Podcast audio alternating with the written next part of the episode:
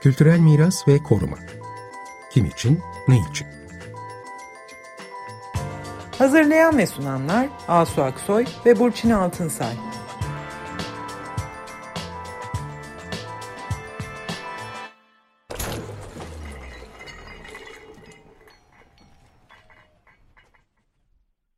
Merhabalar, ben Asu Aksoy. Merhabalar, ben de Burçin Altınsay. Biz daha önceki programlarımızda modern mimarlığın korunması üzerine konuştuk. Özellikle de Ankara'da 1930-1980 arası çağdaş mimari mirasın karşı karşıya olduğu yıkım tehditlerinden bahsettik. Bazıları binalar e, özelindeydi, e, bazıları daha genel e, konuştuk. E, bunlar da kayıt arşivlerimizde bulunabilir. Bugün bu akşam konuşacağımız Ankara Ulus Meydanı'ndaki 100. yıl çarşısı konusu da bu tür mimari miras örneklerinden biri. 100. yıl çarşısı ile ilgili 20 Haziran 2020 tarihinde Ankara Büyükşehir Belediyesi Yeni Ulus Meydanı projesine adım adım başlıklı bir duyuru yayınladı. Burada Ulus Tarihi Kent Merkezi Yenileme Alanı projesinin hayata geçirilebilmesi için 100. yıl çarşısının geri dönüşüm malzemeleri karşılığı yıkımı işi ihalesinin belediye meclisi tarafından onaylandığı detaylarıyla aktarıldı. Bu duyuru 2000'li yılların başından itibaren gündemde yer alan tarihi Ankara'nın özgün karakterini oluşturan farklı dönemleri simgeleyen kültürel miras koruma yıkım tartışmasında önemli bir dönüm noktasını gösteriyordu.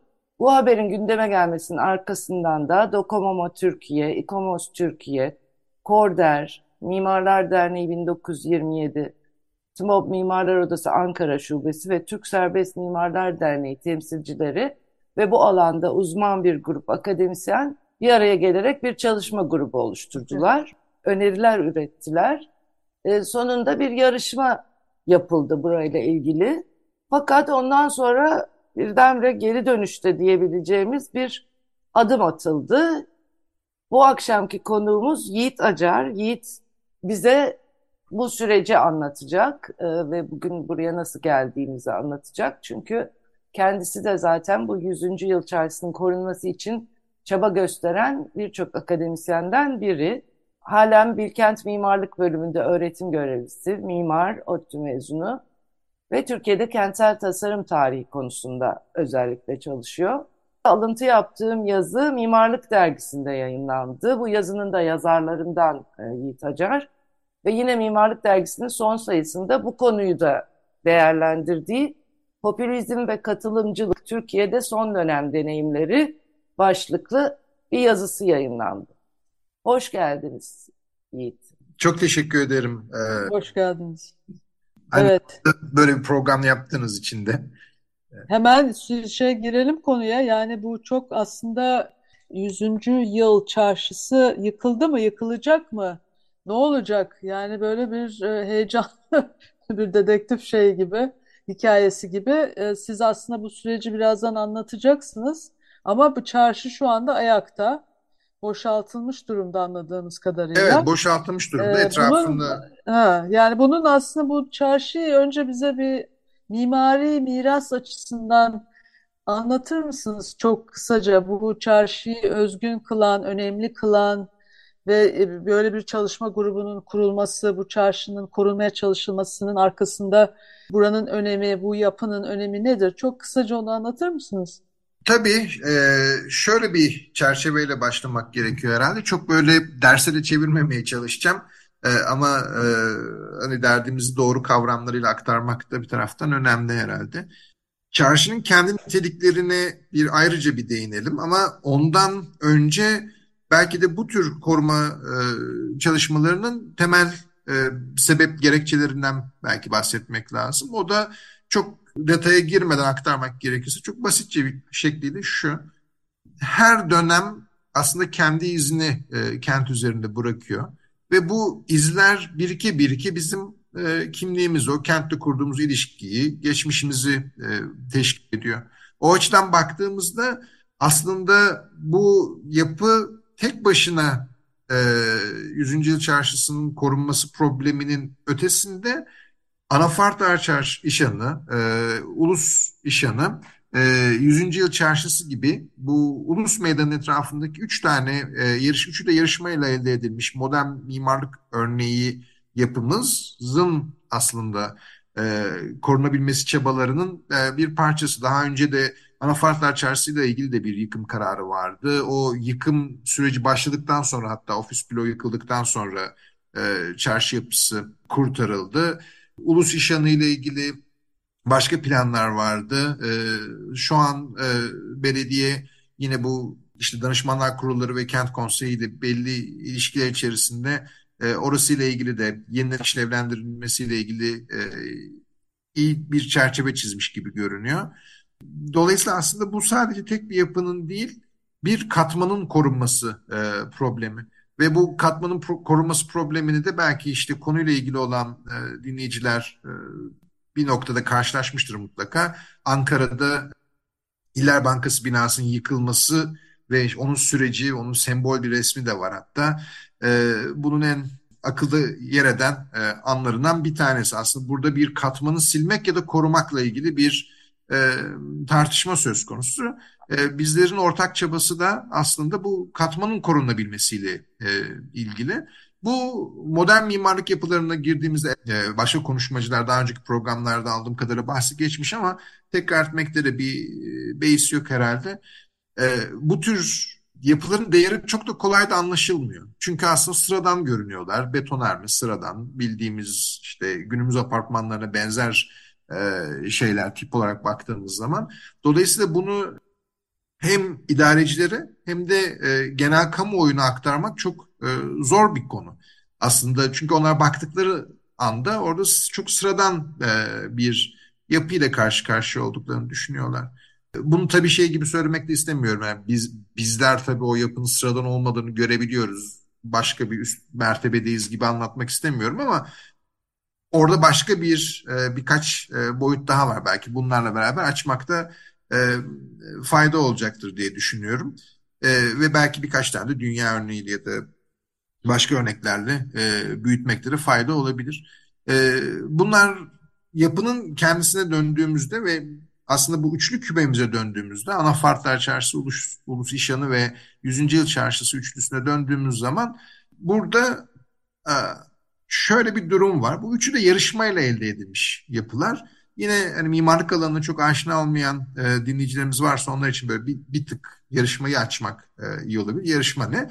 Yarışma şu bir konuyla ilgili açık bir çağrıda bulunuyor ve bu açık çağrıya cevaben e, ülkedeki mimarlar vakitlerini ayırıp bir e, para almadan günün birinde belki o yapıyı inşa edebilme hakkını kazanabilmek için e, fikirlerini paylaşıyorlar. Aslında o açıdan baktığımız zaman o dönem yani ait olduğu dönemdeki elde edilebilecek e, belki de en üst nitelikteki yapı grubu e, aslında yarışmalarla elde, elde edilen. 60'lı yıllar değil mi bu üçü için? Evet. Bunun 67'de yarışması e, düzenleniyor. Şimdi onun dışında işte 60 diğerleri yılın. Ezberimde yok. Onları e, doğrudan e, şimdi söylemeyeyim. E, ama üçü de aslında kendi dönemlerinin e, üst e, kalibre yapıları. Bir taraftan da bu böyle bir şey. E, biz biz kendimizi de genel olarak pek sevmediğimiz için aslında orada kendi tercihimiz olmuş olan yani kendi derken aslında şey e, bir işte Türkiye toplumunun belli e, bir mesleki yetkinlik çerçevesi içerisindeki insanların o tercihlerinde değerli görmemek gibi bir e, refleksimiz oluyor. Bu yapı özelinde de baktığımızda da bu önemli bir konu. Yani yarışmayla elde edilmiş olması önemli bir konu. Çünkü bir taraftan da şuna dayanıyor. Hatta ben bu argümanı aynısını şeyde Ankara'da belediye görevlilerine de esasında iletişim kurmaya çalışırken aktarmıştım. Ee, şöyle nasıl seçimle göreve gelen bir kişinin meşruiyeti atamayla göreve gelmiş birisinin meşruiyetinden daha yüksekse yarışmayla elde edilmiş bir yapının kıymeti de ihale süreciyle elde edilmiş bir yapının kıymetinden daha üstün. Çünkü e, bir grup insan bir araya yani mes meslek alanındaki yetkin bir grup insan jüri olarak bir araya geliyor. Açık bir çağrı yapılıyor. 60'ın 70'in üzerinde proje oraya gönderiliyor. Bunlar tartışılıyor. Elin, Şartname yazılıyor, değil mi? Şartname yazılıyor. Bir sürü saydam süreçler sonucunda ciddi bir seçim sürecinden geçerek elde ediliyor bir grup yapı. Diğer durumda ise e, en düşük fiyata en kısa sürede yapacak olan kişiye e, proje emanet ediliyor. Yani bu durumda ihaleyle elde edilmiş bir yapıdansa yarışma ile elde edilmiş bir yapının e, kıymetinin daha yüksek olduğu gibi argümana girmek tabii yanlışlık görmüyorum aslında. E, toplumsal e, sistem açısından baktığınız zaman e, gerçekten bir kıymet üreten bir süreç yarışma süreçleri. Ama bu bina aslında özel de bir bina. Yani yarışmayla elde edilmiş ve yani mimari e, detayları, özellikleri, değerleri anlaşılamıyor dediniz ya. Biraz Evet. onu da anlatır Şimdi onu da mısınız? açayım. E, ben bu ama bu genel çerçeve böyle bir çizme gereği duyuyorum. Birazcık uzatmış olabilirim orada.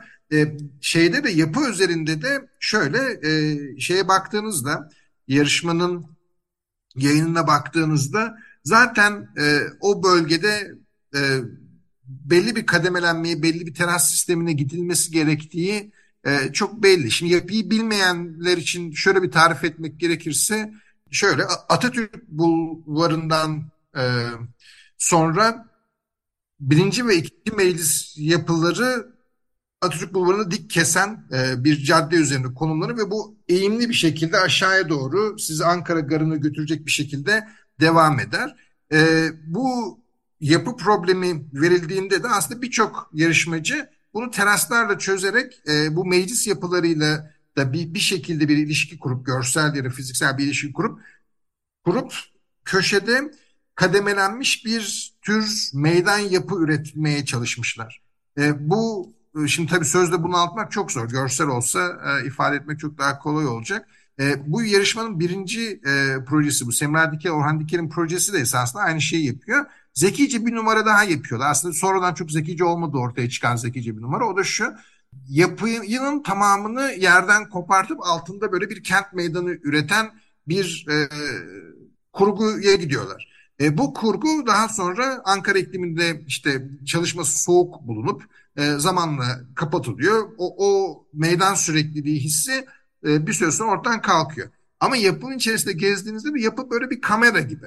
Böyle değişik yerlerinde e, size çok güzel bakış açıları, vistalar sunan e, pencereler, e, köşe artikülasyonları falan var. Yani bir yere geliyorsunuz bir anda bir pencerede sadece duvara asılı bir tabloymuşçasına işte e, birinci meclis yapısını görüyorsunuz. O, o sadece oraya bakmak için yapılmış. Ya da işte teraslara çıktığınız zaman işte e, aşağıdaki e, Gençlik Parkı'nı, e, meclis yapılarını çok rahat görüyorsunuz. Bunlar üzerinden konuşabiliyoruz. Hatta daha işte yapı kullanıma kapanmadan önce benim ODTÜ'de asistanlık yaparken birçok kere bizim yurt dışından gelen misafirlerimizi kent gezisine çıkarttığımızda ben bu yapıyı kullanırdım. Niye? Çünkü aslında teraslarına çıktığınızda ya da yapının içerisinde ve içinden birazcık gezip teraslara çıkıp da etrafa bakmaya başladığınızda e, her bir köşesinde ulusun farklı bir vistasını görürsünüz. Yani bir yere gidersiniz kaleyi anlatırsınız. Bak seni şimdi oraya götüreceğim. Aşağıyı gösterirsiniz.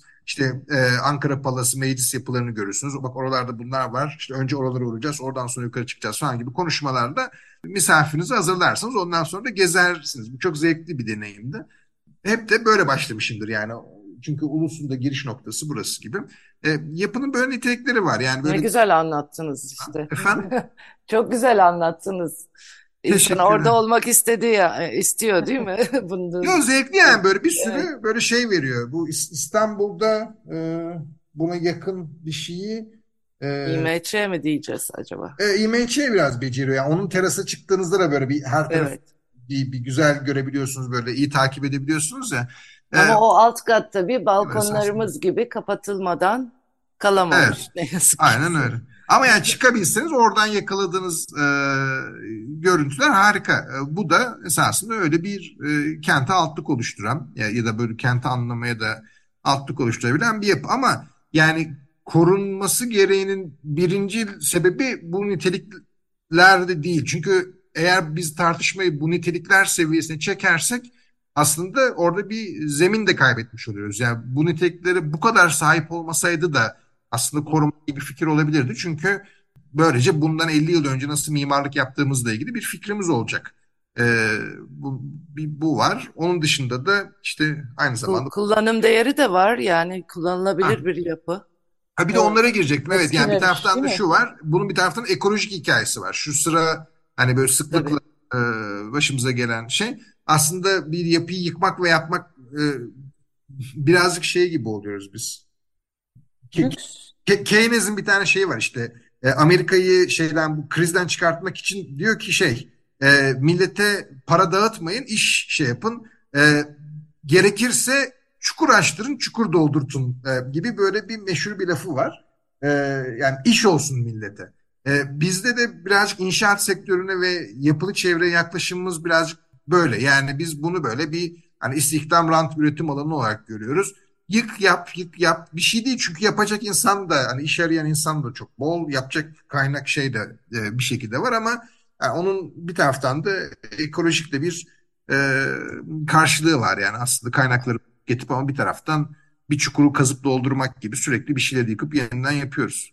Peki evet. yani sonuç olarak çarşının yıkımı değil mi? Yıkımına evet. karar veriliyor. Yani bu süreci hızlıca anlatır mısınız? Yani ha, orada aslında, evet, bugüne nasıl e, geldik? Evet or, orada birkaç tane şey var. Böyle vakti de böyle kontrol ederek şey yaptım.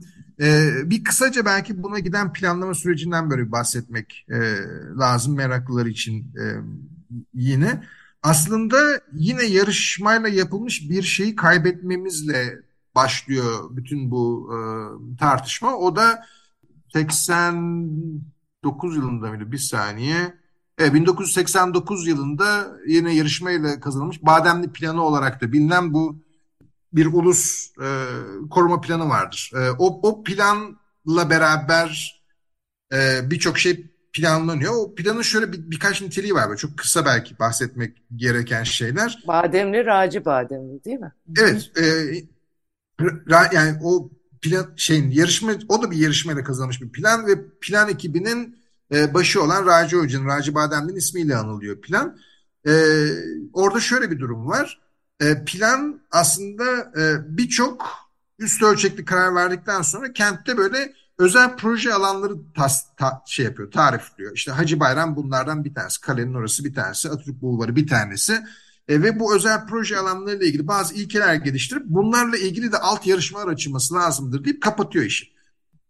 O şey kapsamında yine mesela bulvarla ilgili kararlardan bir tanesi e, tabii Türk kararlar zaman içerisinde belki değişebiliyor, şey yapabiliyor ama e, böyle trafiğin alt, yol altına alınması ile ilgili bir e, şey var. Yani bir, bir, bir düşünce var o planda da.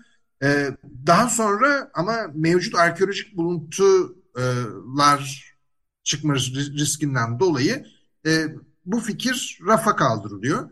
Zaten mesela İstanbul'da Taksim'de yaptılar. Çok da iyi bir fikir olmadığını da e, orada da kesinlikle ne yaşayabiliyoruz. E, bu şeyden sonra esasında e, hikayemiz bizim 2003 yılında Melik Gökçek döneminde yönetimin planı tamamen rafa kaldırmasıyla başlıyor. Yani bu planın öngörmüş olduğu bu e, alt yarışma şeyler falan gibi fikirler bir tek Hacı Bayram bölgesi için e, hayata geçip uygulanıyor.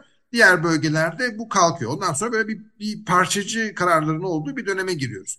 Şimdi bu parçacı kararların olduğu dönem içerisinde Ulus Meydanı ile ilgili çok temel bir tahayyül var. Diyorlar ki biz bu 100. yıl içerisinde yıkacağız yine işte e, e, bir, bir park meydan yapacağız. E, anafartlar içerisinde yıkacağız. Yerine Taşhan'ın bir reconstruction'ını yapacağız e, şeyi 100. yıl şey pardon Ulus İşyanı'nın büyük ofis bloğunu yıkacağız. Onun yerine de geri kalan e, kısmını da otele çevireceğiz. E, ve görsellerde falan bütün trafiği de yer altına alıp e, kocaman sert zeminlerin olduğu bir kent meydanıyla Ankara'yı kavuşturacağız gibi bir e, hayal var. Ve bu hayal daha sonra işte Melik Gökçek görevden alındıktan sonra da göreve gelen Mustafa Tuna tarafından da paylaşılıyor. Bu görüş e, hatta televizyonlarda falan sunuluyor işte şey yapıyor ve bir takım e, kötü kötü renderları falan var. E, daha sonra bu şeyle e, belediye yönetiminin değişmesinden sonra da bir şekilde bu planın fikirleri kalıyor. Yani e, çünkü bunlar aslında çok büyük şeyler. Yani bir anda bir ihale açıyorsunuz. Başka bir tarafta yürüyen başka analizler, projeler var. İşte Ulaştırma Bakanlığı belli başka işleri yapıyor. Belediye belli başka işleri yapıyor. Bu böyle çok e, organlı bir şey. E, ve o şey içerisinde bu çarşının yıkılması fikri de hala kalıyor. E, ve o kalan fikir e, şimdiki yönetimin e, önüne bir dosya olarak gittiğinde de onlar devlette devamlılık esastır düşüncesiyle bari bunu devam ettirelim dedikleri bir noktaya geliyor. O noktada biz müdahil oluyoruz. İşte sizlere demin anlattığım bu ya bakın yarışmayla yapılmış bir yapıyı yıkmayın etmeyin onun meşruiyeti şey kıymeti daha farklıdır. Bu yapının kendi başka kıymetleri değerleri var gibi tartışmalarda bu sayede başlıyor. E, siz bir çalışma grubu kuruyorsunuz aslında. Evet, bayağı siz bahsettiniz aslında ondan. Disipliner bir çalışma grubu bu. Önemli bu. Yani ve bayağı ayrıntılı çalışıyorsunuz konuyu. Değil mi? Ve e, aslında şöyle bir şey Ankara Ankara'da şöyle, şöyle bir durum var. Ee, bizde e, bir yaklaşık bir 20 yıldır iletişim kuramadığımız bir belediye olduğu için biz aslında kıyıda köşede sinsi sinsi bunları çalışıyorduk. Yani planlarımızı yapmıştık biz. şöyle, şöyle bir şey. E, bunlar tabii şakayla şey yaptım da yani ok, okuldaki, akademideki eğitimin içerisinde aslında birçok konuyla ilgili ön çalışmalar oluyor. Mesela bunlardan bir tanesi işte Docomomo'nun e, çalışmaları işte e, Elvan Hoca ile beraber. Hatta ben bunu derslerimde de öğrencilerime de anlatıyorum. Yani aslında benim bu 100. yıl içerisinde olan ilişkim Elvan Hoca'nın bir dersinde bir ödev olarak başladı. Ben bunu bir ödev olarak gittim, çalıştım, ettim. O zamanlar yıkılmasıyla ilgili bir gündem e, işte kısmen vardı, yoktu. E, ama bunlar hep hazırlıklar vardı işte. Elif Selen Ayhan şimdi Başkent Üniversitesi'nde öğretim görevlisi. Onun mesela e, doktora tezi Ulus Meydanı'nın e, katmanlılığı üzerine. Ya aslında bunlar böyle birikmiş bir sürü şey var ve birikmiş bir sürü şeyi oluşturan belli bir e, grup var. E, böyle bir durum doğduğunda e, zaten hazırlıklı olduğumuz bir konuya e, zaten birikmiş olan bilgiyle hemen e, şey yaptık, e, müdahil olmaya çalıştık. E, bir noktaya kadar başarılı olduk. Bir noktadan sonra e, hatlar karıştı. E, Yıkım kararını geri aldırıyorsunuz çünkü. Evet, yönetim kulak vermiş anlaşılan. Tam aldıramadık aslında. Yani bir, bir miktar aldırabildik. Orada e, şöyle bir durum oldu. E, en azından bir durup düşünmeye ikna ettik. Yani e, dediler ki biz tamam burayla ilgili bir fikir yarışması açalım. Bu fikir yarışmasına açıkça işte e, proje önerilerini alalım. E, ama fikir yarışmasının şartnamesinde mesela yapının e, yıkılıp yıkılmamasıyla ilgili bir ifadenin geçmemesi konusunda e, biraz ısrarcı oldular. Yani aslında biz iki seçeneği de yarışma sonucunda görmek istiyoruz e, gibi bir yere geldi. E, sonuçta şartname de o şekilde çıktı ve yarışmaya da e, 60 küsür tane proje katıldı. Bunlar içerisinde tam net sayısını hatırlamamakla beraber sanırım e, 6 ya da 7 tanesi yapının yıkıldığı senaryoları tartışıyordu. E, o yapının yıkıldığı senaryo tartışanlar arasında da yani böyle bir e, teknik yetkinlik olarak baktığınız zaman 3-4 tane e, aslında ödül grubuna oynayabilecek e, şeydi. Hani seviyeye yakın hatta son aşamalara kadar e, gelen ve son aşamada işte tartışmalar sonucunda böyle bir e, elenen proje de oldu. E, ben izninizle burada kesmek zorunda kalıyorum. Yine bu Hı. sefer de istersen Asu gelecek hafta devam etmek üzere e, vedalaşalım. Çünkü, Çünkü çok önemli bir popülizm ve katılımcılık konusunu sizinle konuşmak istiyoruz uzun uzun. İsterseniz gelecek hafta tekrar yarışmadan alalım. Devam Evet. edelim. Olur mu? Ama şu şeyi söyleyelim yani sonra halk oylamasına geçildi. Vaktimiz kaldı mı? Bir dakika. Evet yani son bir dakikada e, yani halk oylamasına açılması karar veriliyor. Değil mi? Evet, evet. Yani yarışma Ben oluyor, bir şeyler seç, ödüller seçiliyor falan ve ardından da bir halk oylamasına gidilmesi gibi garip bir karar Evet, bu çıkıveriyor. ilginç bir durum zaten. Böyle yapalım mı? Devam edelim mi gelecek haftada? olur benim Olur için mu? hiçbir sakıncası yok. Tamam, Tamam, çok Ben biraz uzun teşekkürler. uzun uzun diye anlatıyorum herhalde de şey olmuş. Ee, olsun. ama çok güzel bir şeyler anlattınız da onun için biz de kesemedik. Ee, peki görüşmek üzere diyelim o zaman gelecek hafta aynı konudan Evet, devamla. Herkese evet. iyi akşamlar. İyi akşamlar.